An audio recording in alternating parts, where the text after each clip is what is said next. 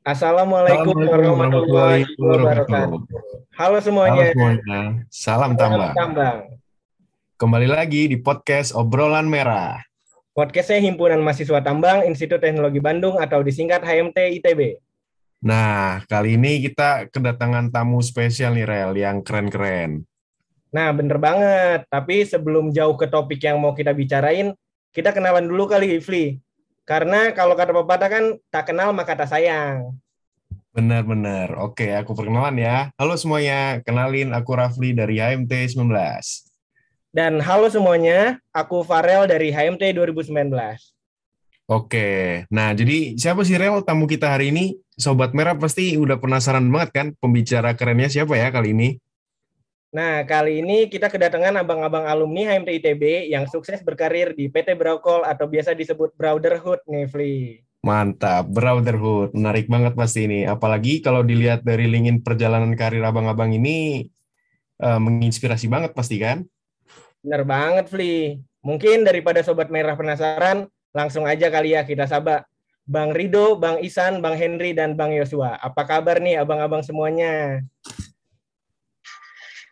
Sehat. Oke, mantap Bang. Assalamualaikum Bang.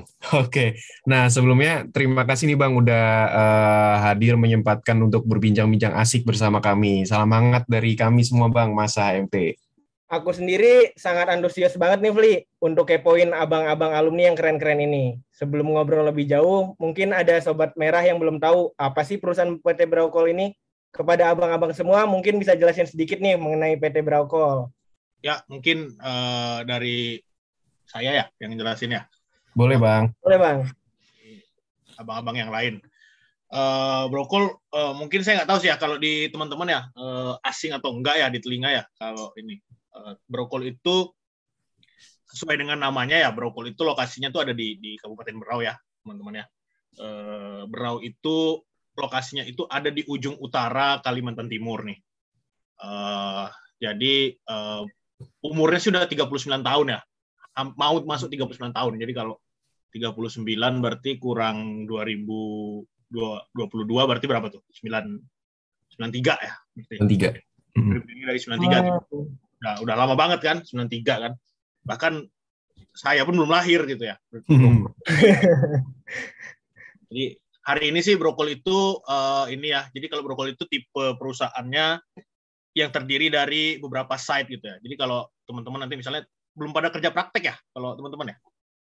Uh, belum bang kebetulan belum, dari kebetulan. Ya jadi kalau batu bara itu ya ada yang uh, dia satu tempat aja gitu kan. Tapi ada juga yang hmm. yang satu perusahaan tapi ada di beberapa beberapa beberapa lokasi gitu. Nah brokol hmm dia di kabupaten yang sama gitu sama-sama di Kabupaten Berau tapi terbagi beberapa site gitu. Kalau site-nya itu sekarang itu ada lima ya site yang uh, yang yang ada di Brokol gitu ya. Ada hmm. Lati, ada Bindungan satu, Bindungan dua, Sambarata sama Gurimbang ya.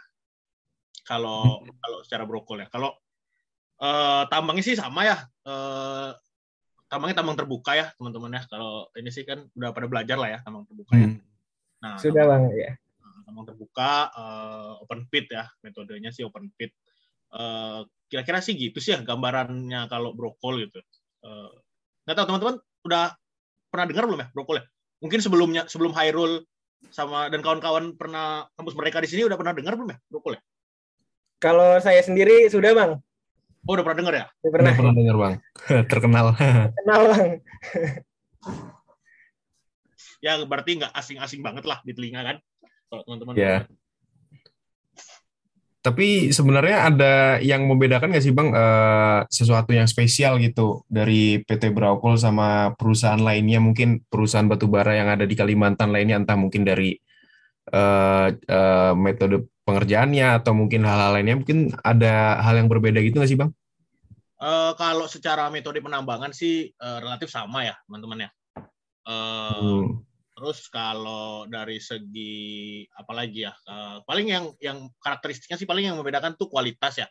Hmm. Kan setiap setiap uh, zona gitu ya, uh, atau apa ya? Kalau mungkin teman-teman yang dari eksplorasi lah lebih hmm. lebih tahu lah uh, apa ya singkapannya gitu ya. Terus dia masuk ke zona mana zona mana gitu ya itu paling yang membedakan sih gitu ya kualitasnya pasti kan punya Hmm. karakteristik masing-masing tuh Hmm. eh, di di batu baranya gitu gitu sih paling ya yang secara generalnya gitu ya Oh. Tapi Boleh nambahin nggak bang? Boleh boleh bang. Boleh, boleh bang. Oke. Ya, perkenalkan ya kembali saya Henry ya dari angkatan 15. Ini kebetulan saya baru masuk ini, jadi baru masuk ke Brokul ya bulan ini. Hmm. Jadi berdasarkan pengalaman kemarin, kembali ke dua tahun sekitar pengalaman dua tahun yang kemarin, ketika saya berada di tambang di selain Brokul ya, ya dari seputaran Kalimantan lah sudah terkenal terkait Brokul tuh memiliki standar yang tinggi, lebih ke operasional safety. Dia bagus lah sebenarnya kalau teman-teman nanti ada kesempatan yang bisa belajar di sini untuk tahu sebenarnya seperti apa sih tambang dengan karakteristik yang safety nomor satu dan ini bisa dibuat jadi panutan lah yang buat tambang yang benar-benar ideal itu seperti apa. Paling- Oh. Oh iya iya. iya. Pandang saya dari luar ya pas kemarin. Eh, kalau Braukol itu eh, dimiliki sama Sinarmas bukan ya, Pak? Kalau eh, kalau aku baca-baca di berita itu atau udah diakuisisi gitu, Bang? Iya iya, Brokol itu masuk dalam undernya Sinarmas. Oh.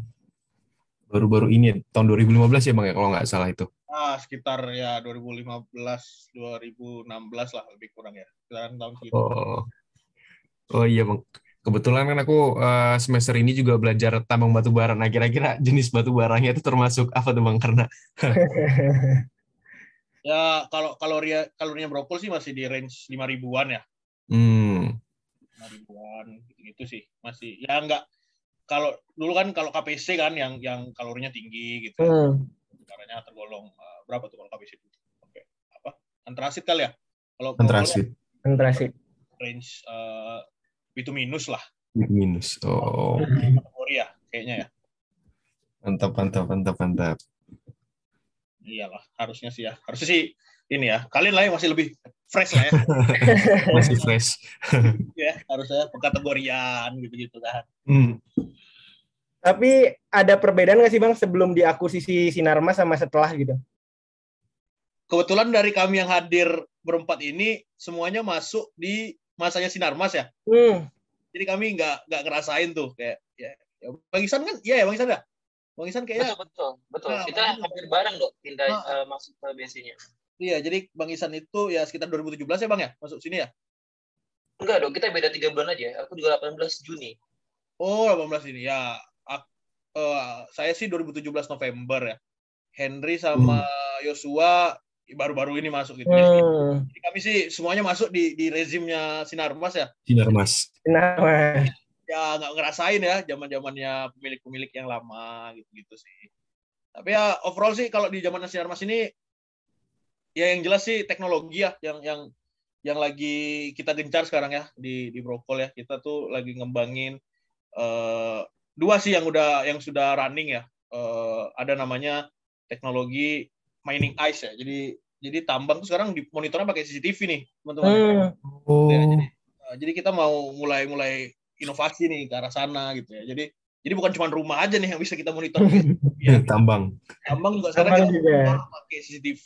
Terus uh, ada lagi namanya proyeknya driving monitoring system ya. Jadi orang bawa unit itu udah bisa didetek nih kalau dia ngantuk atau kalau dia main HP gitu ya sambil main HP sambil dia atau dia sambil merokok gitu. Itu sekarang udah udah ada alatnya tuh udah ada teknologinya tuh. Jadi kita udah mulai menerapkan teknologi lah kalau di secara namanya, secara implementasi.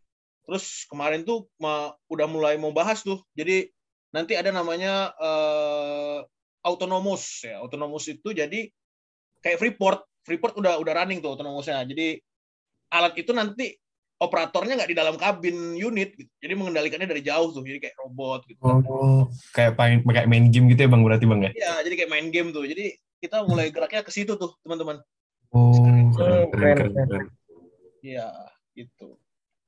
Nah, kalau info dari Hoirul sendiri kan posisi Bang Rido sekarang sebagai Safety Operation Superintendent, Bang Isan sebagai Cost Engineering and Improvement Specialist, serta Bang Henry, Bang Yosua, dan Bang William sedang menempuh Fresh Graduate Development Program. Itu benar nggak, Bang? Nah, boleh diceritain mungkin perjalanan karirnya masing-masing dari awal masuk sampai akhirnya mencapai posisi saat ini gitu. Mungkin dari Bang Rido terlebih dahulu mungkin boleh. Waduh. Oke oke, Eh, cerita dikit ya. Eh, jadi saya sih masuk sih 2017 ya teman-teman ya. Jadi lulus tuh Juli 2017. Eh, mulai kerja di Berau itu November 2017 gitu ya. Eh, Hmm. Terus awalnya sih masuk di di main operation ya teman-teman ya, karena kan anak tambang juga kan. Nah, tambang. Tambang. Sesuai lah, sesuai, sesuai koridor lah Lapangan-lapangan. tambang gitu ya. ya. Ya awalnya sih saya sih di site latih ya. Tadi kan ada lima set yang yang saya sebutin kan. Oh iya, Bang. Site latih. Ya apa namanya di di main operationnya gitu ya. Main operation itu ya ya kita tiap hari memonitor lah pergerakan tambang itu ya teman-teman kan. Jadi kan tambang kan dibikin sama ada main planning ya. Di main planning itu kan Hmm. Nah, kita di operation itu bikin gimana rencana yang sudah dibuat itu berjalannya sih eh, nggak nggak lari lah gitu ya. Nggak, Sesuai ini. ya sesuai aja dengan rencana gitu. Nah 2017, 2019 eh, pindah site ya ke Bindungan satu gitu. Ke Bindungan Hmm. satu em, sebagai sama masih di mining gitu ya di main, main, engineer gitu. Jadi eh, udah mulai ngurusin project-project. Jadi nggak cuma ngurusin pit doang nih. Jadi mulai mulai ngurusin project improvement gitu gitu. Ya. Hmm. Terus mulai ngurusin critical project. Jadi critical project. Jadi mulai ngomongin infrastruktur gitu gitulah. Hmm. Ngomongin tambang nih. Mulai gimana membangun apa namanya rencana dumping pad gitu gitulah. Jadi beberapa project-project yang terkait dengan infrastruktur, konstruk jalan gitu-gitu ya di di Bindungan satu. Hmm. Tambang juga tetap masih masih pakai gitu. Jadi tetap kepit juga tetap gitu gitulah. Hmm. Nah, baru nih sebenarnya 2022 nih baru baru mulai pindah ke safety itu di 2022 ya, teman-teman ya. Lebih kurang baru dua minggu lah di di safety gitu ya. Eh, ya safety-nya juga sama ya, safety operation. Eh, sebenarnya lebih lebih lebih sama aja ya, eh, lebih kurang sama ya. Eh, kalau dulunya melototinnya productivity, melototinnya PA, UA gitu-gitulah ya Hmm. kalau ya. Kalau di sekarang sih safety ya ya lebih lebih ngomongin keselamatan lah gitu kan. Eh, ya ya ya sama sih konsepnya ya tetap ngeliatin operasi gitu ya. Ya ilmu tambangnya sih nggak hilang ya. Kan safety itu juga butuh apa ya? Tambang. Eh, eh, pendekatan secara ke sisi, sisi engineeringnya kan tetap harus ada ya. Eh, Mana operasi yang selamat itu kan semuanya kan ada hitung-hitungannya kan gitu kan. Kalau kita Hmm. konstruk jalan, eh, kenapa grade-nya dianjurkan untuk tidak lebih dari 10% itu kan ada Ada hitung-hitungannya semua. hitungannya semua, Bang ya. Ya, nah itu kan eh, konsepnya lebih lebih dapet lah ya. Ketika orang tambang eh, ngomongin soal safety gitu kan eh, lebih tahu lah dari sisi apa namanya dari sisi teknisnya lebih lebih tahu lah lebih paham gitu ya dasarnya gitu gitu sih. Eh, ya kira-kira gitu sih kalau gambaran dari 2017 sampai Mhm. sekarang 2022 sih. Ya ya pindah juga baru sih. Baru lebih kurang ya dua mingguan inilah sebenarnya. Oh, baru dua minggu ini, Bang ya. Masih masa Oh, peralihan mungkin ya. Mantap. sebenarnya ini ya nggak tahu sih kalau kalian sih udah udah apa ya udah apa namanya udah pernah ngambil kuliah ketiga belum ya Udah bang, baru kemarin UTS bang. Baru tes. ambil kuliah ketiga belum ya nah kalau di kuliah ketiga itu kan sebenarnya eh, nanti itu akan ada di di di, diajarin lah sama sama Pak Agung ya mungkin ya kalau Iya iya benar bang. Iya. keselamatan itu kan sebenarnya udah merupakan bagian dari tanggung jawab masing-masing individu ya sebenarnya. Ya mau dia orang safety, mau dia orang mining, mau dia orang elektrik, mau dia orang mesin gitu ya. Ya semuanya tuh bertanggung jawab terhadap keselamatan gitu. Hmm. Ya hari ini di safety ya ya sebenarnya tugas menjaga keselamatan itu sudah sudah ada sih dari dari Hmm. dulu Iya, iya. sudah sudah ini sebenarnya. Jadi ya peralihannya ya nggak nggak terlalu jauh lah. Ya masih inilah masih saling keterkaitan lah karena safety juga safety operation kan. Operation Masih kan ya nyambung, Bang ya. tambang juga. Iya. Masih nyambung ke operation. Masih, masih nyambung banget. Masih nyambung banget. Oh. Mungkin selanjutnya Bang Isan bisa ceritain perjalanan karirnya. Oke, ah terima kasih Mas Farel. Ya, eh, saya kurang lebih join ke Brokol dari perusahaan sebelumnya itu juga eh, hampir dekat dengan Rido ya. Nah, saya di 2018. Eh, waktu itu saya pindah itu sebelumnya dari Arup. Nah, uh, saya tuh ngerasain banget sih uh, gunanya koneksi alumni ya. Uh, saat hmm. saya pindah ke BC. Hmm. Jadi saya itu di, uh, saya itu di uh, ada ada komunikasi dengan manajer saya namanya Pak Bowo. Beliau juga MT tahun 2000, tapi dulu dia metal, metalurgi ya. Dulu kan masih gabung ya dari metalurgi. Sama oh iya masih gabung gitu.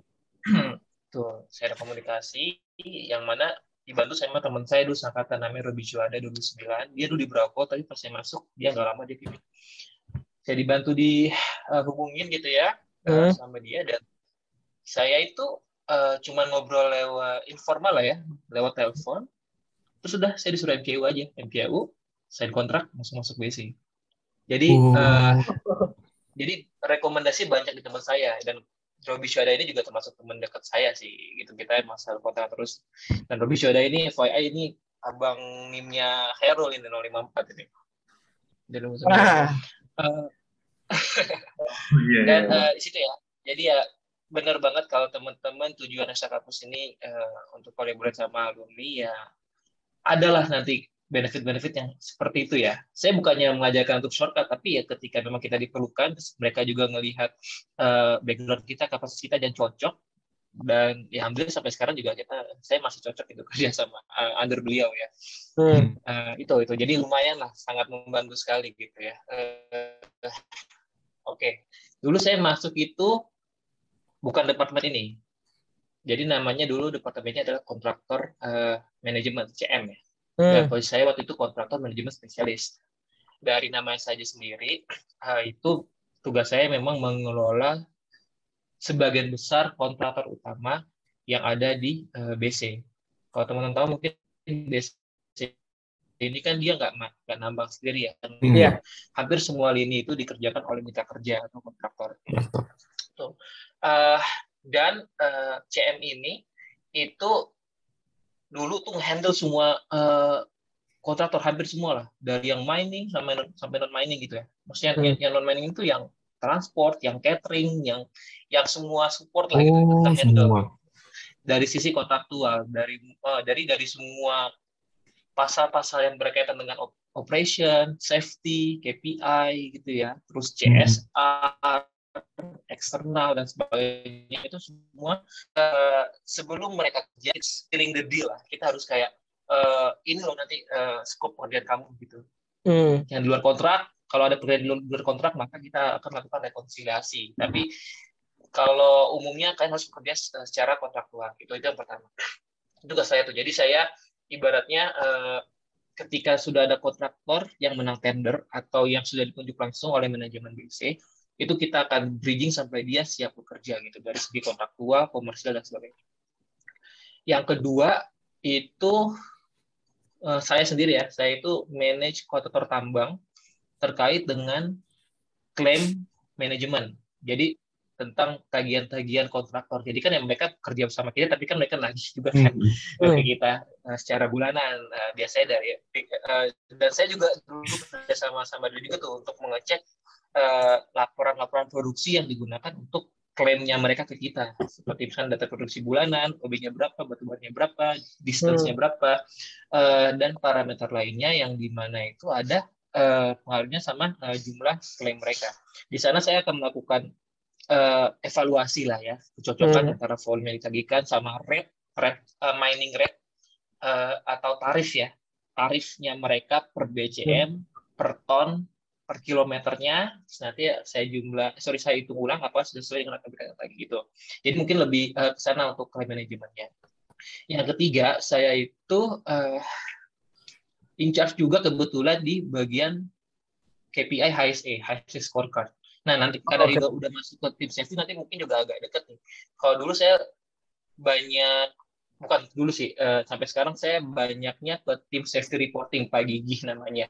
Hmm. itu mungkin uh, satu divisi sama Rido tapi dia beda departemen. Kalau Rido sama Pak Robi ya ya berarti ya?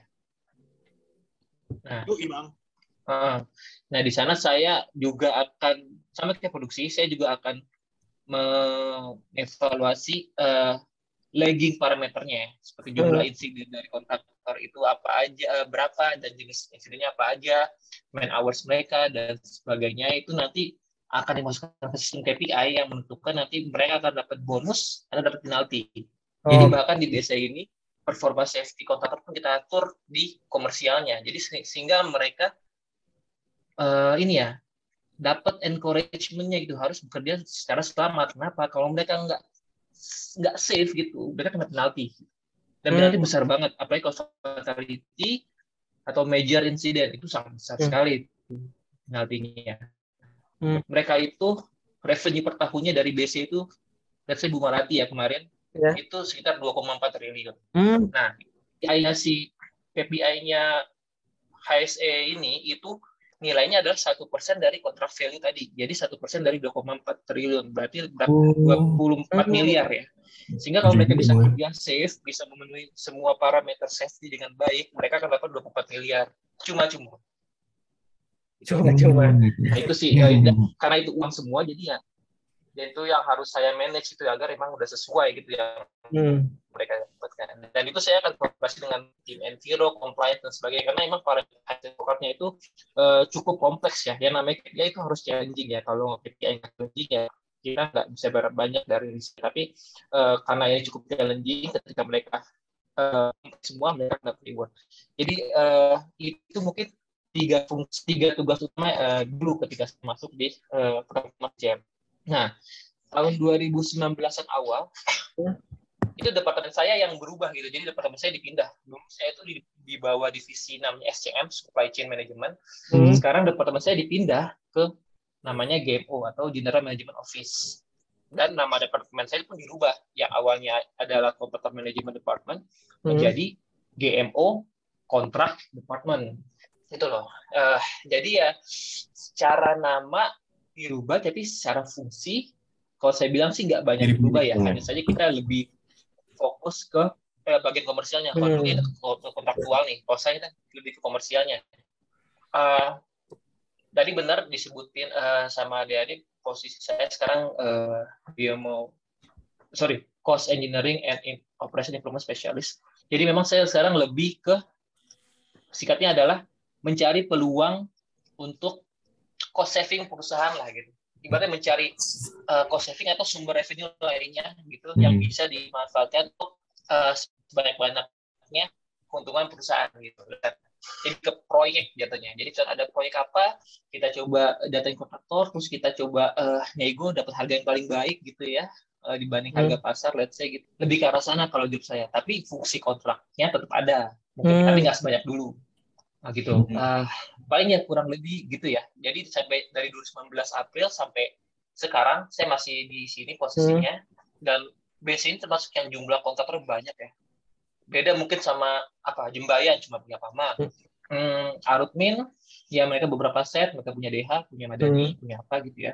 Tapi yang ngumpul semuanya kontraktor gitu di satu site gitu ya, di satu area itu berapa dan manajemennya juga menantang menurut saya. Jadi ya uh, kurang lebih seperti itu ya uh, perjalanan saya dan ya saya cukup menikmati lah sampai saat ini. Gitu. Uh, adik-adik. Keren keren. Mungkin ada nggak sih bang perbedaan eh, tadi kan sempat disinggung eh, sempat bekerja di Arutmin gitu sama sama sekarang di Braukol gitu ada perbedaan yang cukup mencolok gak? Entah dari oh ya, ya. waktu kerja atau eh, lingkungan atau lain sebagainya gitu. Okay. Oke oke. Ah ya baik. Dulu saya di admin itu di uh, site ya. Uh, saya manajer uh, bisnis itu sistemnya partnership. Jadi maksudnya itu uh, uh, ownernya itu lebih kayak di atas supervisi kayak prima aja gitu. Uh, namun kita jangan bilang jadi main ke, lebih ke monitoring aja nggak supervising jadi kita ibaratnya mulai dari uh, penambangan FT semuanya itu kita percayakan semua ke kontraktor gitu loh. Hmm. Sana cuma dikit banget, di Arab itu orangnya dikit banget gitu dibanding sama jumlah kontraktornya. Jadi jumlah orang Arabnya dikit banget. Nah, emang yang di itu general aja gitu. Uh, pas ke wah itu sangat kecil ya. Jadi uh, Bravo ini uh, panjang itu tangannya itu kontraktor Hmm. sampai gali-gali semua yang ada di kontraktor, Hmm. ngatur-ngatur semua yang ada di kontraktor gitu. Jadi gitu, strict. Orang base itu banyak, mungkin nggak tahu ya, mungkin yang saya tahu mungkin sekitar 800-an mungkin yang base-nya doang ya gitu ya. Eh, sedangkan total eh, manpower yang ada di bawah BC semua kontraktor tuh mungkin sekitar eh, belasan ribu lah Uh, gitu. banyak. Jadi orang base ini banyak kenapa? Eh, karena yang diatur juga banyak dan spesifik gitu lah. Jadi eh, kita itu BC itu kontrolnya lebih baik gitu ya. Compliance-nya lebih terpenuhi gitu ya. Eh, karena memang banyak sumber daya yang diberdayakan gitu. Eh, satu orang itu bisa jadi cuma ngurus satu dua hal aja gitu. Eh, spesifik gitu. Eh, beda sama dulu di Rutwin, satu orang itu ya ngurus semuanya gitu kan. Ada namanya dulu shift supervisor. Ya udah oh, shift supervisor itu ngurusin safety di shift itu ngurusin operation ngurusin apa gitu. jadi eh, campur-campur lah gitu kan. Nah, kalau sekarang nggak. Ada tim safety operation timnya Rido ada timnya GNH ada timnya oh banyak banget. Nah itu levelnya setiap site ya. Kalau dulu admin tuh satu set aja gitu. Misalnya satu Oh, site ya buat semua area gitu. Kalau di sini nggak semua set ada bagiannya gitu. Dan ya benefitnya eh, positifnya adalah ya kontrol kita kuat gitu. Kita bisa menjamin kontraktor bekerja sesuai dengan standar kita sesuai dengan arahan kita eh, dan ketika ada perubahan dari manajemen BC itu cepat dengan dengan apa dengan sehingga bisa diterapkan di kontraktor cepat langsung ke bawahnya. Hmm. itu sih kalau positifnya dari sistem ini ya gitu ya Oh, gitu. Itu eh, mungkin saya juga baru tahu tuh Bang kalau ada kontraktor-kontraktor mungkin selain yang eh, operasional tadi sempat disinggung soal eksternal atau eh, kontraktor lainnya. Nah, itu mungkin kalau boleh tahu ada kontraktor apa aja Bang yang di bawah eh, BC ini?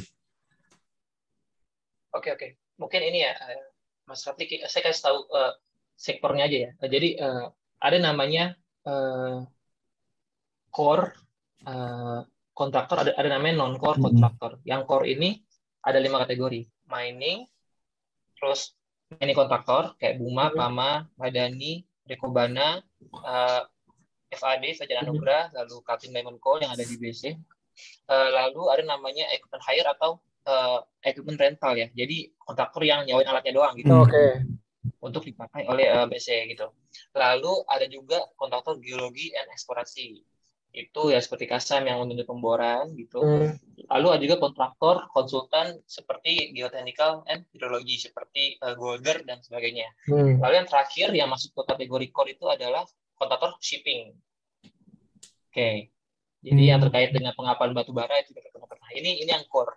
Nah, yang non core ya sisanya. Kayak tadi ya mungkin kayak transport, terus eh, yang yang handle eh enviro kayak kita kan sekarang eh, pengawasan di WMP itu kita sudah kasihkan kontraktor ke eh, Skovindo ya untuk ngawasin Hmm. dan sebagainya gitu kan. Dulu kan itu biasa yang kerjaan tapi sekarang udah dialihkan ke eh, kontraktor. Lalu eh, ada juga eh, catering gitu ya, terus general service dan sebagainya. Dan intinya yang di luar dari lima ini itu adalah non core. Itu sih kira-kira pembagian. eh, Oh, pembagian kontraktor-kontraktornya. Mantap, mantap. Ini eh, kalau dengar-dengar dari cerita Bang Rido, Bang Iksan, ini ya pengalaman di biasanya udah melanglang buana lah bahasanya ini. Udah keren beli ya. Iya. Nah, mungkin ini kita eh, lanjut ke Bang Henry nih sebagai yang sedang menempuh eh, Fresh Graduate Development Program. Nah, mungkin eh, mau nanya Bang, waktu dulu eh, pertama masuk atau apply gitu di FGDP program ini, gimana sih Bang ceritanya tuh? Mungkin bisa buat eh, anak-anak HMT kira-kira mungkin kalau ber- eh, BC nanti buka FGDP program lagi, mungkin bisa sekalian kasih ada tips and triknya. Bener banget. Mungkin Bang Henry. Tips and trick. Coba Bang Yusua aja lah Bang Yusua. Aku soalnya kemarin iseng-iseng aja sih. Waduh. Soalnya kan juga udah dapat kerja kan sebelumnya. Jadi kayak ya wes nggak terlalu buat kekeh buat pin, buat nyari kerja baru lah sebenarnya. Hmm. Jadi ya ya itu sih. Emang dari segala segi benefit emang ya udah terkenal lah Bicek kan. Hmm, Coba dari Bang Yusua coba Bang Yusua. Gimana Bang Yusua? ya, mungkin Sebagai boleh. fresh graduate, literally fresh graduate. Literally fresh graduate. Baru Oktober kemarin. Ya, eh, jadi perkenalan kembali lagi saya Yosua. Jadi kemarin tuh ya uh, kayak apa ya? Uh, kayak mencari kerja kan pastinya waktu lulus tuh. Hmm. Awal lulus pasti nyari kerja, semua di apply apply. Uh, kebetulan uh, aku daftar juga pernah di di batch pertama di ENDP batch pertama Hmm, oke. katanya har- uh, di BIB kalau nggak salah pertama itu. Cuman memang uh, cuman sampai di psikotes sempet Hmm. psikotes gitu, terus uh, nggak nggak lanjut sih. Jadi udah psikotes nggak ada kabar lah kalau kayak gitu. Terus ya udah aku nyari-nyari lagi uh, lowongan-lowongan yang ada. Hmm. Terus eh, sampai pada pokoknya aku interview-interview terus sampai di bulan Desember tuh ada eh, HR Sinarmas ngehubungin lagi gitu kalau si Sinarmas Mining ini buka untuk batch Hmm. kedua penempatan di Berau gitu. Ya udah aku pasti apa lah, langsung ini kan kayak oh saya apa ingin lah gitu Hmm. mengikuti si seleksinya lagi gitu. Terus ya dari pokoknya dari Desember itu mulai seleksi lagi, Hmm. terus sampai ke ada interview user juga di bulan Januari dan pengumumannya di bulan eh, Febru- Februari gitu ada penerimaannya gitu. Kalau kita dinyatakan diterima di bulan Februari, kemudian Hmm. di Maret ini kita onboardnya gitu di tanggal 8. Nah, terus ya kalau cerita-cerita FGDP tuh belum sebenarnya belum eh, belum ada sih. Jadi karena di sini juga baru belum Baru. sebulan ya. Eh, paling kita di sini dilatih dulu terkait safety-nya karena di Brokol ini eh, sangat tinggi gitu standar untuk safety-nya. Jadi kita di, masih diajarin diajarin tentang safety lagi, terus eh, perilaku-perilaku yang harus kita ketahui lah terkait eh, hal yang kita harus lakukan ketika di site gitu nantinya. Itu aja paling Hmm. bisa disampaikan. Wah, bisa jadi masukan-masukan menarik nih, Pli. Hmm. Mungkin kalau dari abang-abang yang lainnya dulu tuh masuknya lewat FGDP juga atau ada program lain atau seperti apa, Bang? Mungkin Bang Rido, Bang Isan. Kalau saya sih dari GDP ya, memang saya besarnya di di sini sih. Sama lah. Oh, Dulu saya- sama ya. Ah, sama kayak Henry, sama kayak Joshua. Joshua lah, kalau Henry kan udah pernah ke mana-mana dulu kan, baru GDP di sini. Kalau saya sih murni memang pertama kerja langsung di sini. Oh, Oke, oke. Oh, Kalau saya ya, kalau saya itu saya dulu GDP-nya di PAMA ya, di kontraktor tambang. Eh saya sama kayak Rido dulu saya jadi production group leader. Bahkan saya jatuhnya itu kalau Rido ngawasin kontraktor, kalau saya ngawasin operator gitu. Ngawasin kerjaan kinerja operator, Hmm. kontrol Hmm. eh, fleet, kontrol roster cuti mereka biar selalu ada manpower yang eh, bisa bisa mancal ibaratnya. Lalu juga ngecek ngecek ngecek lapangan, terus ya ngatur-ngatur fleet pakai radio gitu. Jadi yang masih pekerjaannya lapangan banget ya, yang masih gosong-gosongan lah ibaratnya di lapangan. Beneran digosok lah saya.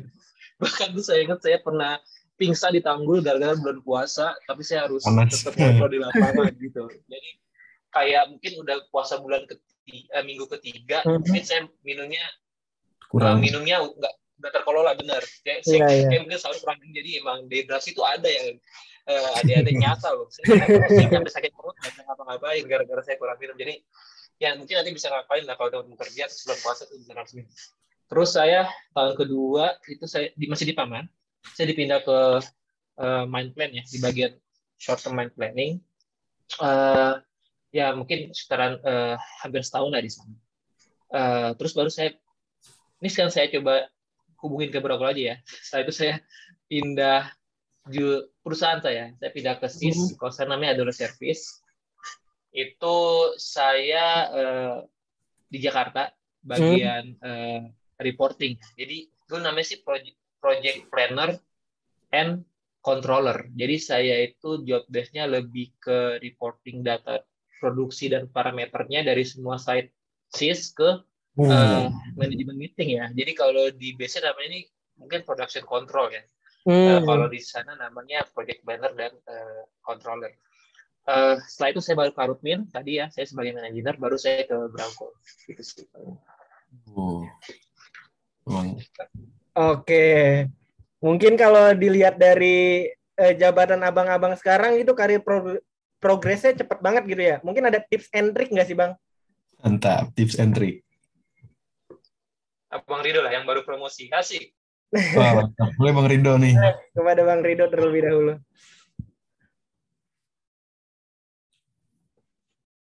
Oh, ngomongin ini ya, ya nggak ada nggak ada tips and trick yang terlalu gimana gimana sih ya teman-teman ya. Eh, yang jelas sih eh, memperdalam eh, tentang belajar itu selalu penting ya. Hmm. Eh, jangan pernah berhenti belajar gitu ya. Hmm.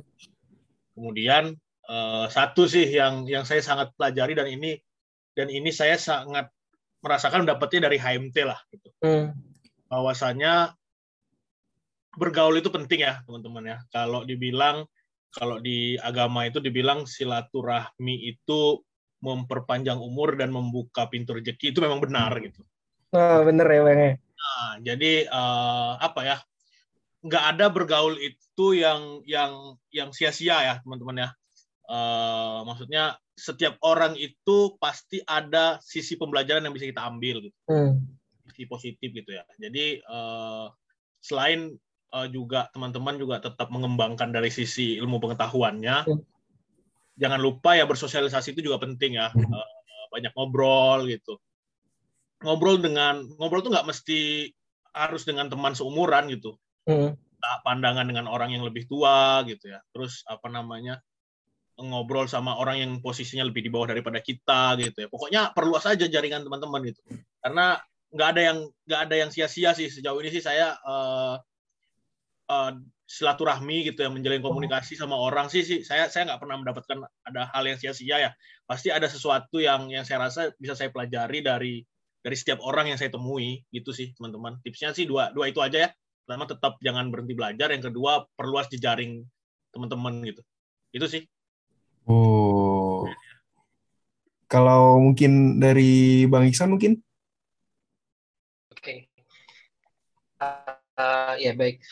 Uh, jadi dulu saya tuh lulus 2014, di mana tuh batu bara itu termasuk lagi rendah-rendahnya ya. Hmm. Jadi Hmm. puncaknya itu 2015 awal dan saya lulus itu saya ingat cuma ada tiga tiga yang buka lowongan satu uh, satunya Pama gitu yang satu batu bara apa sih lupa yang satu lagi mineral ini G resource ya mas Iya.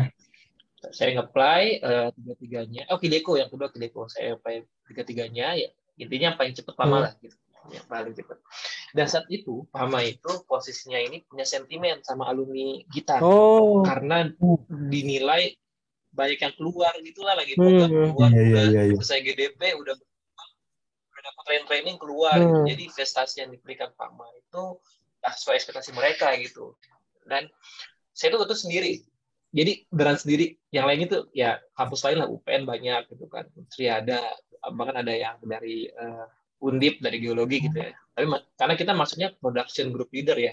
Jadi Hmm. semuanya operation. Kalau di operation itu ibaratnya semuanya bisa belajar lah. As, eh, kayak sipil bisa masuk geologi masuk eh, terus eh, geofisika juga masuk. Waktu itu ada satu orang terus tambang gitu. Jadi semuanya kita digodok lagi di sana. Nah eh, saya tuh merasa kalau saya nggak ngasih contoh yang baik Hmm. gitu ya. Mungkin setelah saya ini Pama lebih kapok lagi gitu buat eh, nge-hire eh, alumni, eh, Alumni apa, ITB. ITB kan. Dan saya oh, betul, saya mencoba yang terbaik di sana. Ya. Dan pokoknya semua hal, semua proyek saya coba bantu lah gitu. Dan alhamdulillah eh, ternyata ada alumni kita di sana, tapi yang lebih banyak nggak nggak dikit, tapi posisinya udah penting. Hmm. Ada Pak Rubian Magabe dulu PM saya, angkatan 2000, sekarang dia udah eh, operation manager di HO. Lalu ada Pak Roberto Handoko, dulu dia division head, dia juga angkatan seangkatan sama Pak Bo, Pak sorry Pak Gabi juga. Sekarang dia OTW ke direktur op- operasionalnya Pama dengan Pak Yusuf. Eh, saya punya dua orang ini posisi jauh sama saya, tapi saya coba kontak mereka gitu. Gimana caranya? Jadi kayak Hmm. saya nggak punya terlalu dekat lagi soalnya gitu kan. paling paling nggak misalnya saya nggak tahu lagi di saat lain mungkin ada tapi saya nggak ke- kepegang saya lebih kepegang ke HO mereka karena dulu kita SGDP itu kita tiap cuti dua bulan kita harus present ke HO-nya PAMA jaring Hmm. or di JIR. jadi di sana saya bangun jaringan tuh ke Pak Gabe ke mana ke Pak Alberto jadi eh, kerja keras kerja keras secara eh, technical performance kerja keras secara koneksi gitu ya Hmm. Alhamdulillah lulusnya memuaskan. Eh, SKDP berikutnya teman saya dua orang masuk angkatan, Dio sama si Derry. Dio di PTBA, Pama PTBA, Derry di Jembayan di set saya. Hmm. Cuman saya waktu itu udah.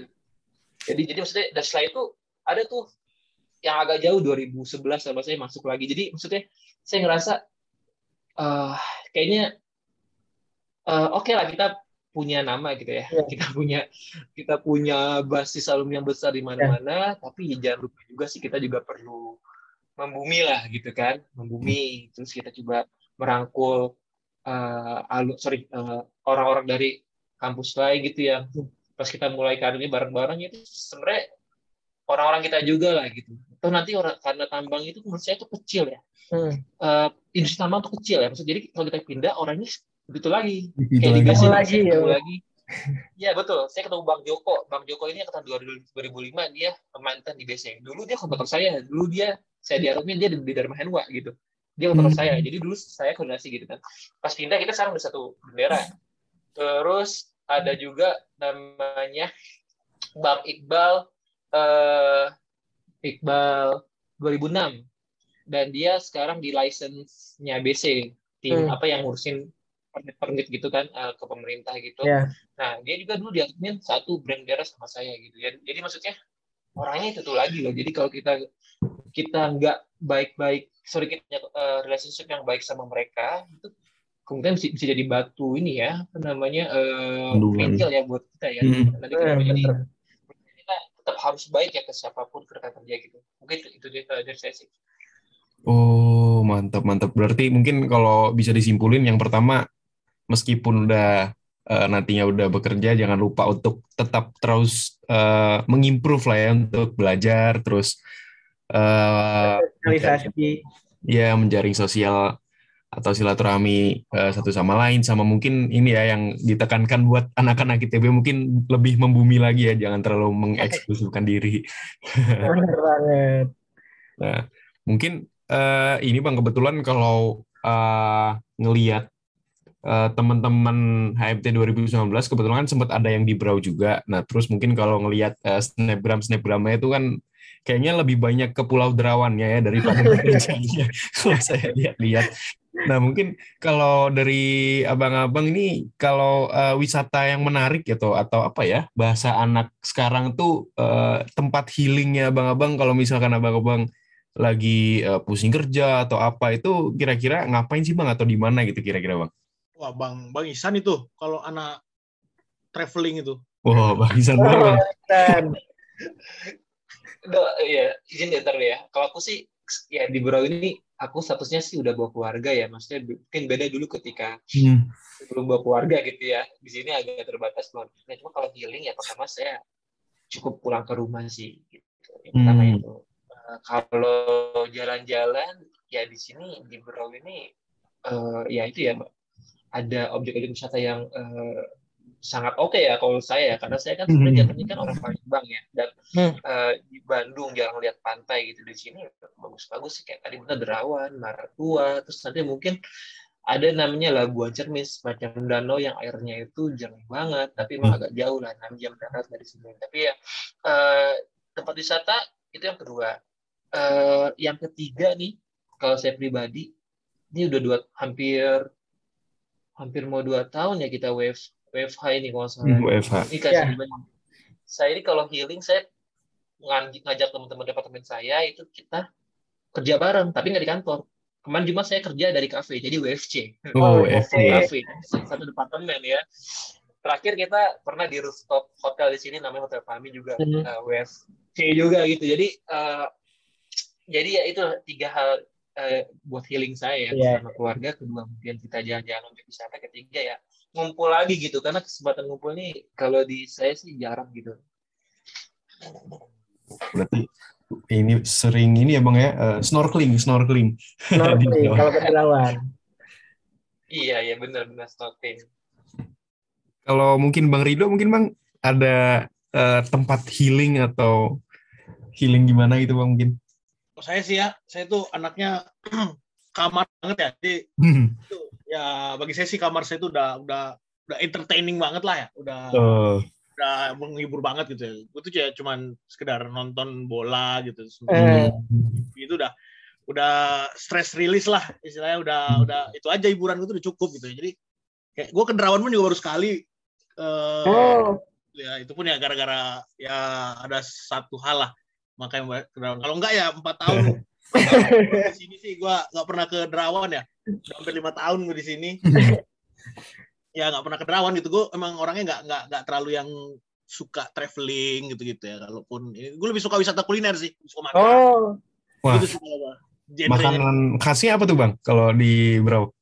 Wah kalau di Bro tuh udah nyampur banget bos gitu. Udah kan sudah banyak orang Bugis juga datang ke sini. Hmm. Tanya, apa ya Bang Isan ya? Kalau di sini tuh ya makanan khas yang yang bingung juga sih kalau ditanya Benar-benar.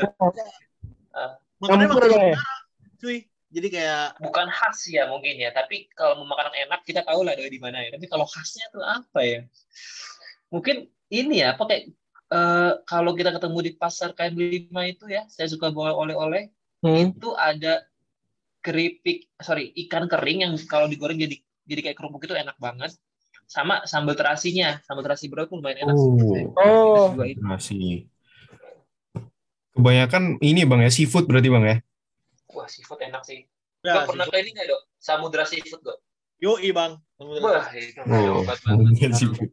Samudra Seafood.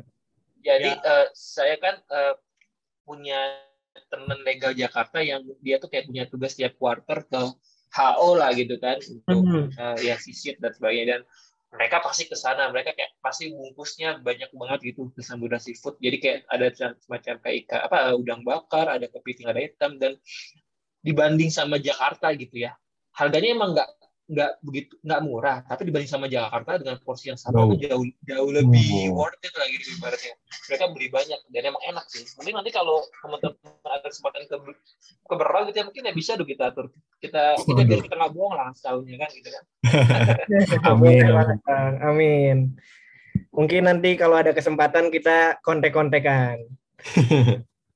Eh, mungkin kan kalau dari teman-teman yang magang kemarin kan ada bajunya gitu bang ya. Kaos brotherhood gitu. Nah itu sebenarnya brotherhood tuh apa sih bang gitu? Eh, bisa cerita sedikit mungkin inisiasi awalnya kayak gimana gitu?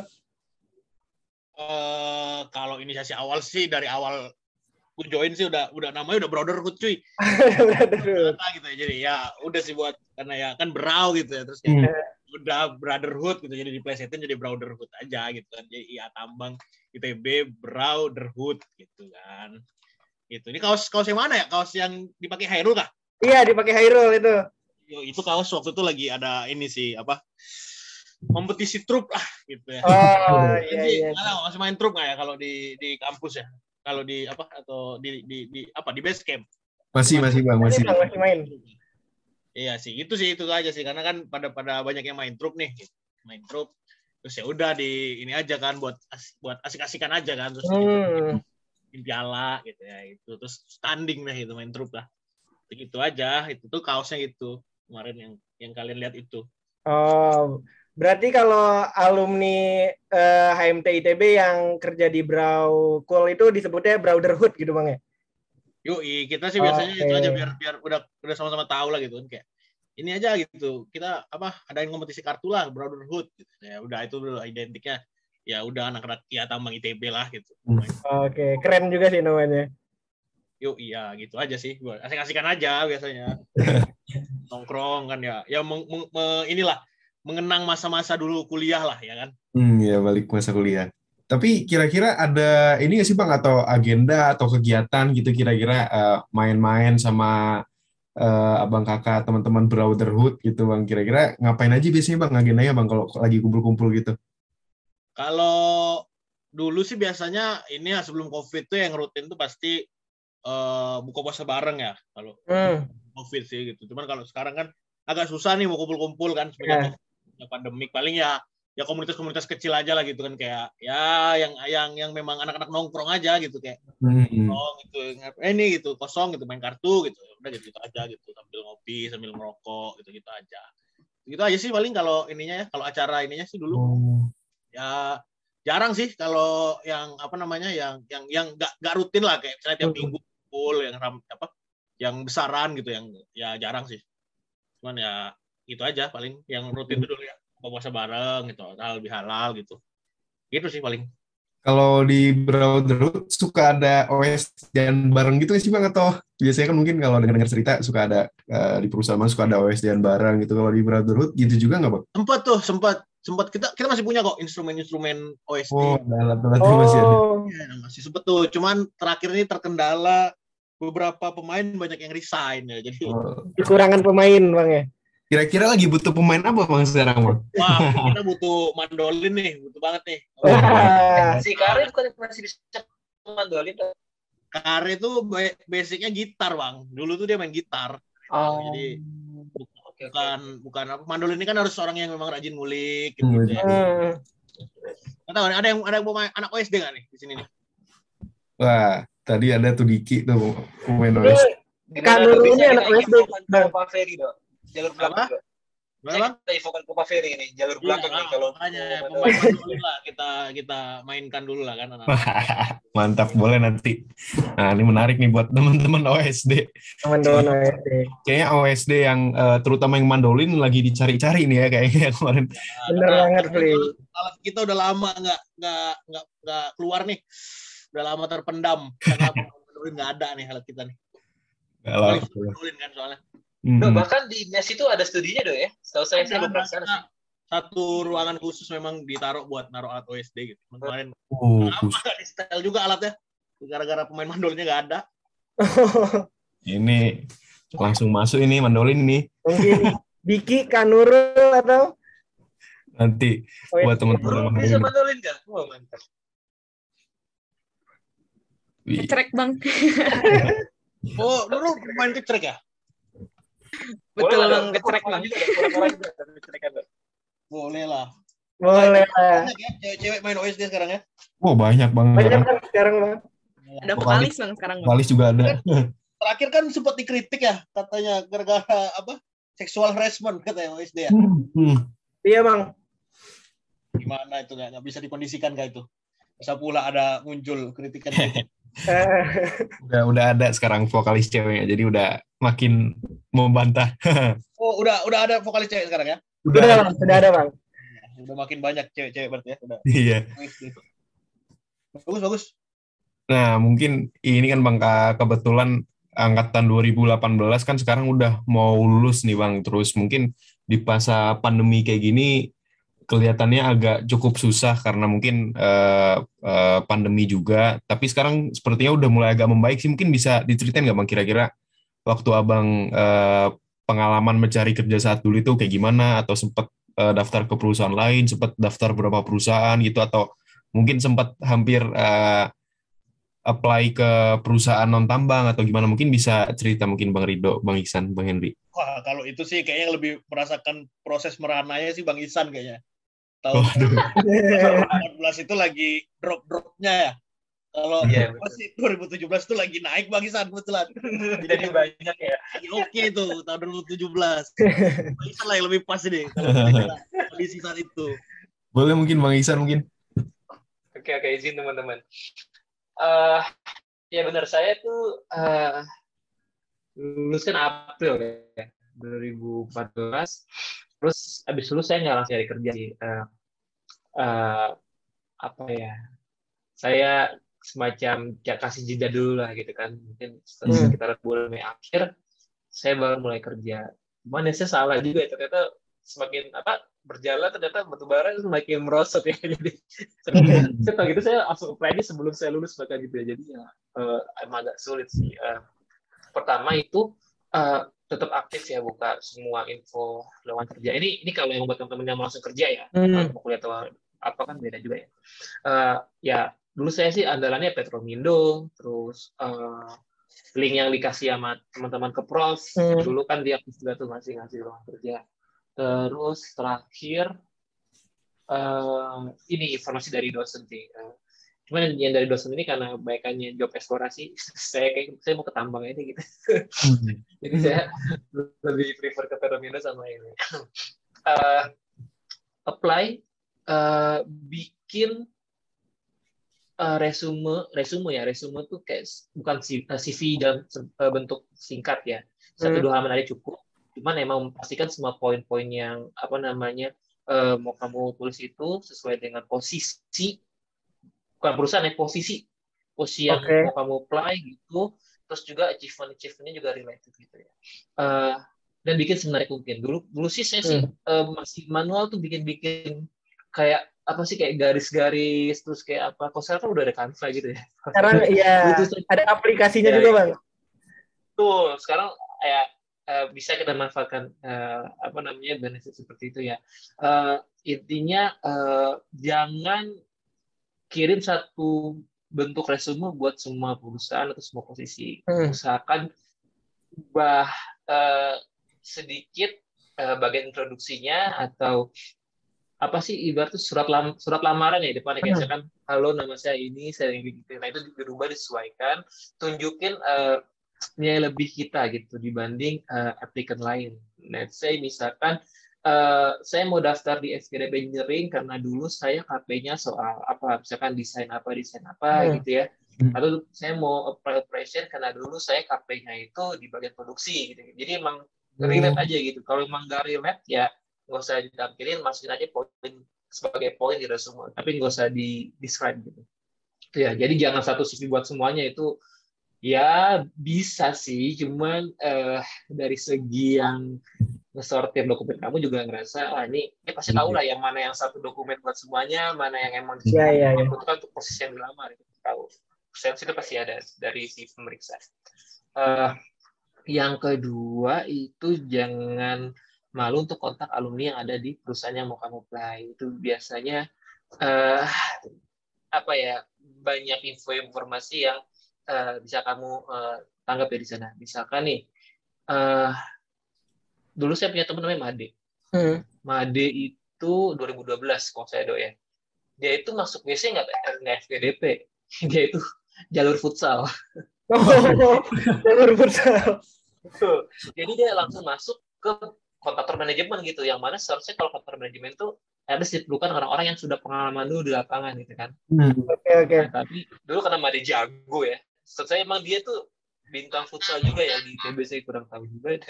Dulu Oh. BC itu futsalnya kuat juga. Dulu BC itu Oh, oke. tiap departemen atau tiap site itu dia arogansi futsal itu kuat banget jadi ya sampai ngerekrut karyawan cuma buat futsal dan akhirnya ya, dan jadi gara-gara di gara-gara dia itu dapat informasi dari alumni sini saya saya kurang tahu tapi dia sudah cerita kayak gitu, gitu kan. akhirnya ya dia apply jadi ke belakang gak usah apply lewat HR gitu kan di ke belakang aja gitu hubungin orangnya akhirnya mereka dapat gitu. Nah itu. Yang kedua jangan malu untuk coba hubungi eh, rekan alumni ya. Ya kalau bukan alumni nggak apa-apa tapi kalau alumni seperti lebih bagus. Karena pastinya kita punya inilah punya ikatan.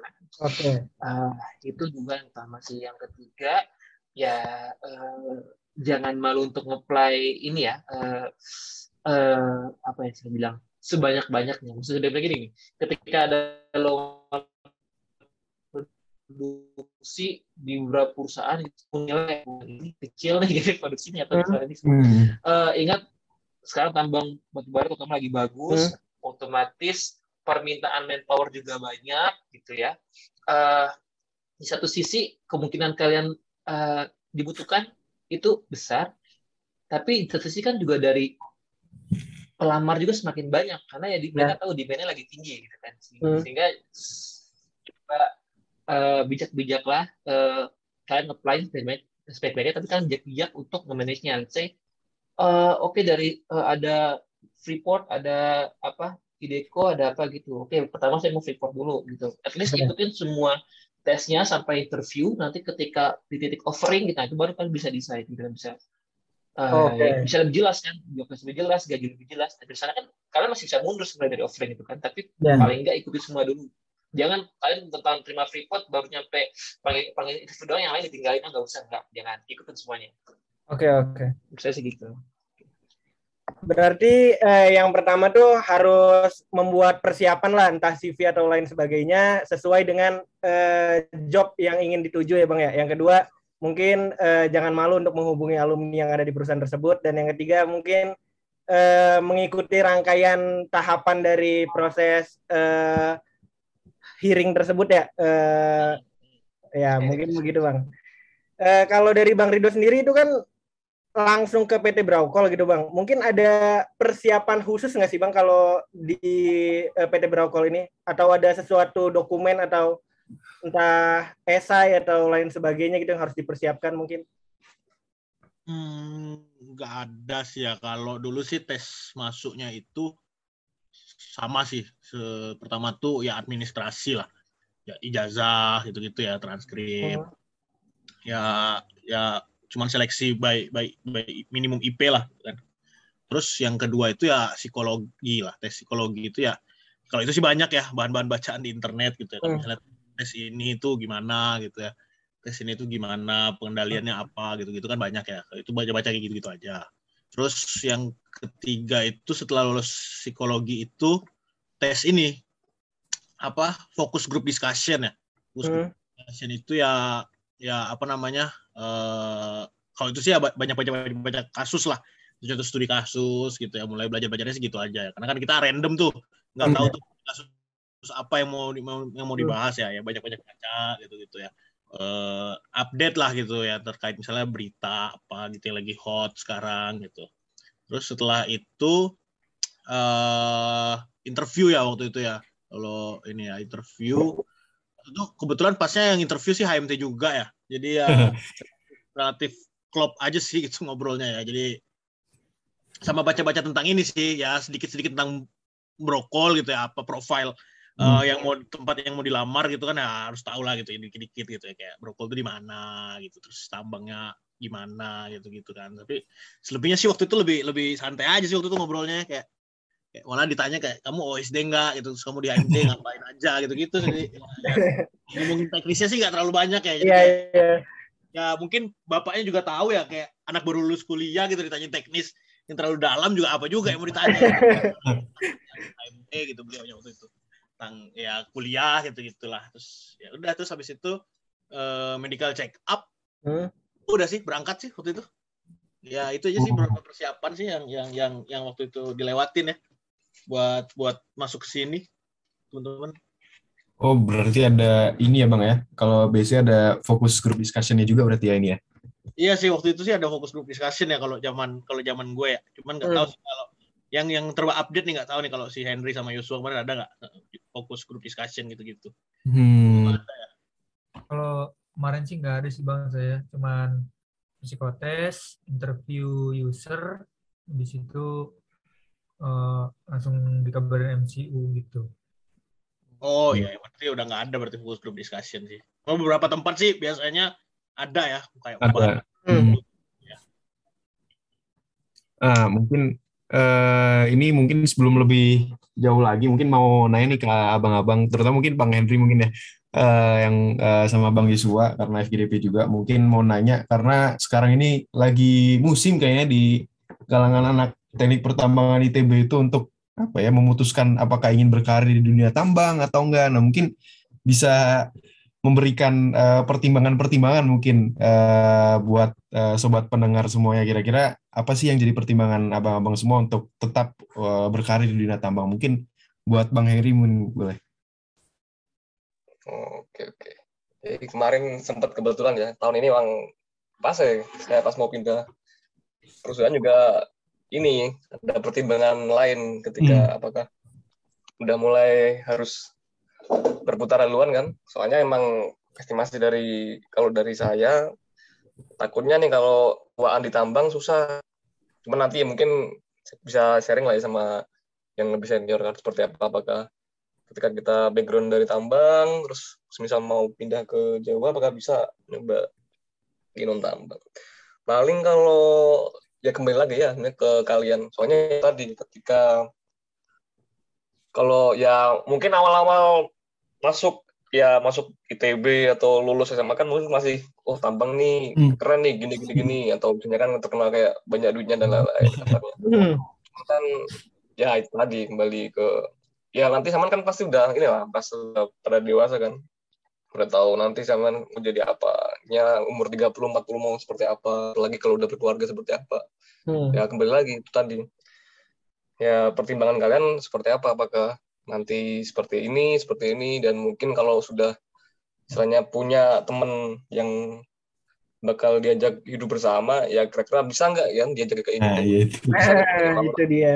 kehidupan orang tambang kan emang emang nggak mudah jujur kecuali kalian punya apa kesempatan kerja di sektor tambang cuma di daerah AU lah misal kayak di yang tadi di kontrak itu kan emang apa, potensi buat kerja di AU itu sangat besar ya. Hmm. Cuman kalau kayak orang-orang kayak operasional kayak Bang Rito atau kita ini ya mau nggak mau ya harus siap dulu kan istilahnya kerja di jauh dari ya lingkungan yang kalian mungkin rasa olah-olah. Cuman itu tadi mungkin kalau saya sih mikirnya mungkin banyakkan teman-teman kalau dia sendiri ya, apalagi kalau cowok ya, Hmm. ya siap lah maksudnya kerja di luar, maksudnya ditambang kan di merantau jauh dari keluarga. Cuman masalahnya ya itu tadi, apakah teman hidup kalian itu yang siap atau enggak? Nah, itu yang perlu dibicarakan lah istilahnya, jangan sampai tiba udah ini ini, ini malah ini. Ya intinya itulah musyawarah. Cuman kalau biasanya sih kalau udah kenal lama nggak aman-aman aja sih. Berarti kalau Bang Henry sendiri nggak sempat kepikiran Bang jadi non tambang gitu ya? Kemarin sih sempet Oh sempet mau sempat. nyoba non tambang cuman kayak sayang aja sih. Pertama sayang, kedua apa ya? Pernah kan aku coba, jadi pernah kemarin tuh pas kebetulan kan saya kan habis operasi ya, operasi kaki sempet. Jadi kerjaan cepet di office tok itu, nggak bisa ke site kan. Hmm. Ini agak suntuk di ruangan. Jadi ya itu terkadang orang makanya. Mungkin karena kebiasaan udah ini kerjaan di lapangan, Hmm. Cek-cek emang seperti itu sih emang biasanya pasti kalau udah mulai suntuk di office Iya. kerja juga udah kelar ya pasti putar-putar ke lapangan cek-cek tadi kembali ke orang juga sih Oh, oke oke oke. Mungkin kan ngomong-ngomong soal pekerjaan sebelumnya mau nanya nih. Kan tadi ada eh, Bang Rido eh, tambang umum, Bang Isan tambang eksplorasi, mungkin Bang Henry ba- tambang apa, Bang? ya tambang yang asli lah tambang asli Oh.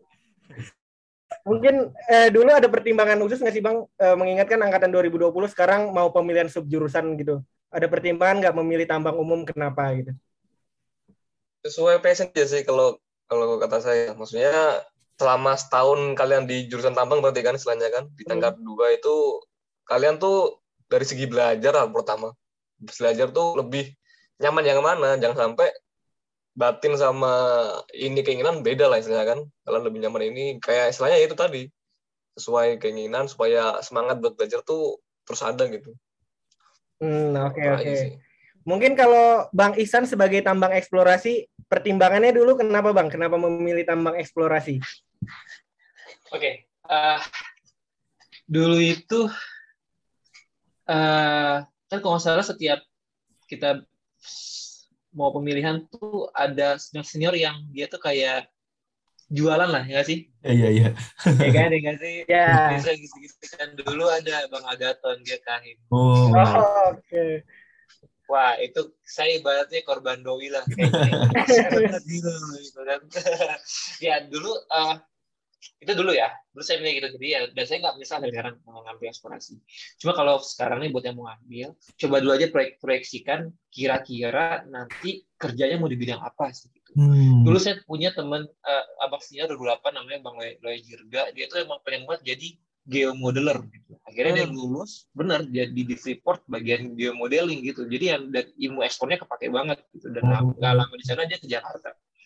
Jadi maksudnya eh, boleh consider masalah kuliah atau apa tapi coba periksa juga setelah kuliah beneran nggak mau dieksplor beneran nggak mau diumum? Jadi dan dan itu udah bener harus di eh, ini ya divisualisasikan. Soalnya jangan nyampe salah karena juga itu yang beberapa ya. Ya teman saya diekspor tuh mas kayaknya saya mau ke umum gitu kan. Akhirnya dia back, back ambil mata kuliah eh, tambang umum juga gitu pada akhirnya gitu kan. Atau sebaliknya juga ada gitu. Nah itu menurut saya karena memang proyeksinya sih bisa dibuat lebih jauh sih ke depan. Nah tadi contohnya tadi siapa Bang Jirga, lo ya Jirga tadi 2008 itu menurut saya paling oke lah doi lah. Itu paling sejak. Oh, tambah eksplorasi tuh rel. Eksplorasi. Tapi banyak tambah umum sih. Oke, lanjut. Eh, mungkin ini bang uh, kita uh, udah nggak kerasa ini kita udah di penghujung uh, podcast juga. Nah mungkin uh, mau nanya ini pesan-pesan uh, dari abang-abang semuanya, dari teman-teman Brotherhood juga. kira kira-kira pesan-pesan apa nih buat uh, masa HMT sekalian, terutama mungkin buat angkatan 2018 karena angkatan 2018 juga nantinya uh, bakal lulus tahun ini sama mungkin angkatan 2019 nih yang uh, bentar lagi mau megang kepengurusan HMT ITB. Nah, kira-kira ada nggak pesan-pesan atau eh, hal-hal uh, yang apa ya sekiranya bisa uh, dilakukan supaya bisa menunjang ke depannya baik uh, baik mengenai uh, kegiatan berhimpun atau uh, kegiatan perkuliahan atau hal-hal lain. Mungkin boleh nih pesan-pesan uh, dari Bang Rido mungkin boleh. Ya, uh, dari saya sih ya. Uh, pertama tadi mensamerikan aja ya dari hasil obrolan kita ya.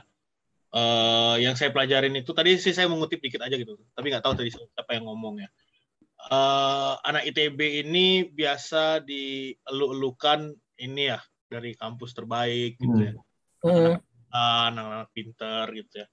Itu terkadang membuat uh, merasa tinggi lah, merasa tinggi hati gitu ya, merasa kayak uh, ya udah paling pinter lah gitu sejagat dunia. Gitu. Kadang, kadang kadang itu membuat anak-anak ITB ini merasa eh, nggak uh, perlu belajar lagi gitu ya, nggak perlu hmm. gak perlu berkaca lagi gitu ya. Padahal harusnya kan kita itu ya hidup itu harus merasa inilah uh, rendah hati gitu ya. Kalau dulu zaman saya itu kita tuh punya tagline ya HMT itu di didik itu identik dengan istilah merah bergerombol dan bodoh gitu. Itu di, selalu diidentikan gitu ya. HMT itu merah bergerombol dan bodoh. Gitu. Merah itu ya identitas kita ya. Kita tuh ke mana-mana pakai jaket merah gitu. Hmm. Bergerombol itu ya karena kita ke mana-mana itu selalu bareng-bareng lah anak HMT itu dulu jarang hmm. anak HMT itu jalannya sendiri-sendirian tuh jarang. Bodoh itu bukan karena bodohnya memang dia bodoh yang gimana ya. Bodoh itu ya karena kita itu ya memang diajarin nggak pernah berhenti untuk belajar gitu. Jadi oh. lebih baik kita merasa bodoh dan mau belajar daripada kita merasa pintar dan tidak mau belajar gitu. Hmm. Jadi kita lebih baik membranding diri kita bodoh tapi kita tetap mau belajar gitu.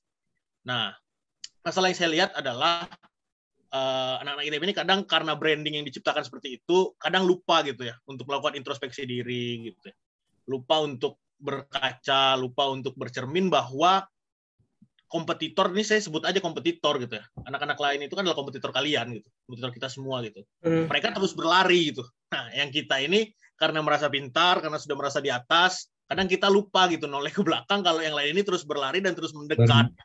Hmm. Nah, itu yang yang yang jangan sampai ada gitu ya, yang jangan sampai uh, merasa diri itu udah hebat, merasa diri itu udah pintar gitu ya. Uh, tetap jangan berhenti belajar, eh, bergaul ya, bersosialisasi itu penting gitu ya. Kalau saya tuh punya prinsip kalau kepintaran kalian tuh nggak 99%, jangan pernah berani-berani untuk nggak bersosialisasi dengan orang. Hmm. Jangan pernah berani-berani untuk nggak bergaul sama orang gitu. Hmm. Karena kalau kalian pintarnya baru 90%, 91%, 92%, itu kalian akan kesalip dengan orang yang mungkin pintarnya hanya 80%, 75%, tapi dia gaul. Tapi dia oh. rajin bersosialisasi sama orang gitu.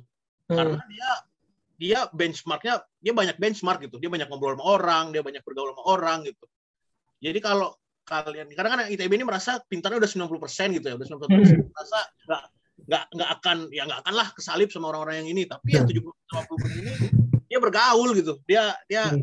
ya dia asik gitu ya. Pembawaannya masuk mana-mana gitu. Nah ini yang kadang-kadang suka suka apa namanya ya suka membuat ya anak ITB itu jadinya kayak ya kelihatannya jadi biasa aja gitu. Ya kesalip akhirnya sama kompetitor-kompetitornya. Nah kalau dari saya, saran saya sih ya ya saya nggak bilang HMT itu sudah sempurna ya. Tapi balik lagi bahwasanya di balik ketidaksempurnaan HMT itu banyak hal-hal positif, banyak hal-hal baik yang bisa kalian ambil dari sana. Itu aja sih uh, kalau saya boleh berpesan ya kepada teman-teman sekalian gitu. Hmm, oke okay, oke. Okay. Mungkin uh, selanjutnya dari Bang Isan dipersilahkan Bang. kesan dan pesannya. Ya, uh, baik. Uh, benar tadi saya menjadikan dari yang apa Ridho simpulkan. Uh, semua pembelajaran di himpunan saat ini itu uh, sangat bisa banget diterapkan di uh, kehidupan setelah uh, berkuliah. Contohnya uh, saat mahasiswa itu yang paling saya rasa saya improve itu di interpersonal skill. Jadi yang awalnya itu saya tipikal yang mikir-mikir untuk uh, membuat apa koneksi baru masa kuliah di AMT di KM biasa juga di KM dan di apa namanya uh, lembaga lainnya itu hmm. benar mengasah saya itu bisa uh, gampang nimbrung sama orang, gampang masuk sama obrolan hmm. orang gitu, hmm. baik di internal maupun di eksternal. Eksternal ini saya banyak justru di HMT karena dulu saya dua setengah tahun di tim Komdev ya. Dulu saya itu banyak uh, terlibat di sekolah. Sekarang masih ada nggak ya yang pengajar? Masih bang. Masih uh, dari sekolah. mahasiswa masih ada. Dulu saya hampir tiap minggu saya ngajar uh, sama teman-teman HMT dan himpunan lain. Lalu juga terlibat ada beberapa proyek, proyek uh, sosial juga tentang tambak lele. Saya lupa daerah mana Ci. Hmm. Saya lupa itu ada juga dan uh, di sana ditempa banget ya uh, interpersonal skill saya. Nah, uh, hal yang itu kan nggak bisa didapetin di apa di, di bangku kuliah ya. Hmm. Dan itu uh, sangat-sangat digunakan ternyata di pas, pas saya kerja. Kenapa? Saya itu kan yang tadi saya mention ya. Saya membawa operator yang mana mereka itu mungkin cara berpikirnya nggak sama kayak kita yang dari hmm. sarjana karena operator kan bisa dari SMA dan pengalaman kerjanya uh, mulai dari saat mereka lulus SMA gitu ini nih yang gimana caranya kita bisa nebak cara mereka berpikir, cara mereka uh, bertindak, yang mana nanti kan pengaruh sama performa produksi kita kan.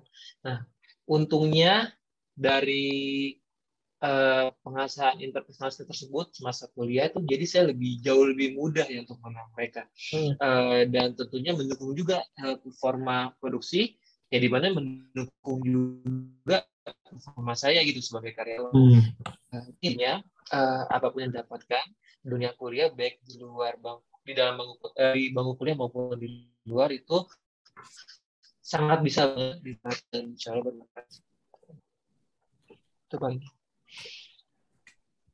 Mungkin selanjutnya dari Bang Henry atau Bang Yosua ada tambahan gitu Bang? Eh, Pak, cukup sudah cukup. Eh, sangat bagus itu, lengkap semuanya. Ya, paling mau nambahin boleh? Boleh, Bang. Oh iya. Jadi paling menambahin terkait misalnya anak uh, eh, 18 ya, nanti kan Juli udah mulai nyari kerja dan lain sebagainya. Nah, mungkin ya kalau langsung dapat kerja itu udah pasti ya baik lah ya, maksudnya mantep gitu. Tapi kalau memang uh, ada waktunya nunggu dan istilahnya 3-4 bulan itu menurut saya masih wajar dan tetap ada pengharapan lah karena saya juga kemarin uh, ada kayak gimana yang ngelihat teman-teman udah pada kerja kayak gitu, ada kayak resah gitu, tapi ya uh, dikasih yang terbaik juga gitu pada akhirnya. Jadi paling pesannya itu aja sih, uh, dijalanin aja pas dalam hal mencari pekerjaannya kayak gitu. Oke, oke, oke, oke. Wah, ini pesan dari abang-abangnya mendalam ya, terutama tadi Bang Rido yang merah bergerombol dan bodoh. Mungkin ini anak HMT sekarang banyak salah interpretasi nih mengenai kata-kata bodoh. nah, mungkin uh, sayang sekali karena ya keterbatasan waktu juga dan ini menjadi penutup obrolan merah kali ini. Padahal seru banget ya Rela ini berharap banget tuh kapan lagi kita ngobrol-ngobrol sama alumni-alumni yang uh, kerja di BC ini brotherhood gitu kan. Bener banget. Kami juga sangat berterima kasih lah kepada Bang Rido, Bang Isan, Bang Henry, dan juga Bang Yosua karena menyempatkan waktunya untuk berbincang dengan kami di obrolan merah ini. Dan semoga para sobat merah dapat mengambil pesan-pesan baiknya ya. Nah, sekali lagi terima kasih untuk abang-abang semuanya. Kami pamit undur diri. Sampai jumpa sobat merah. Salam, Salam tambah. tambah.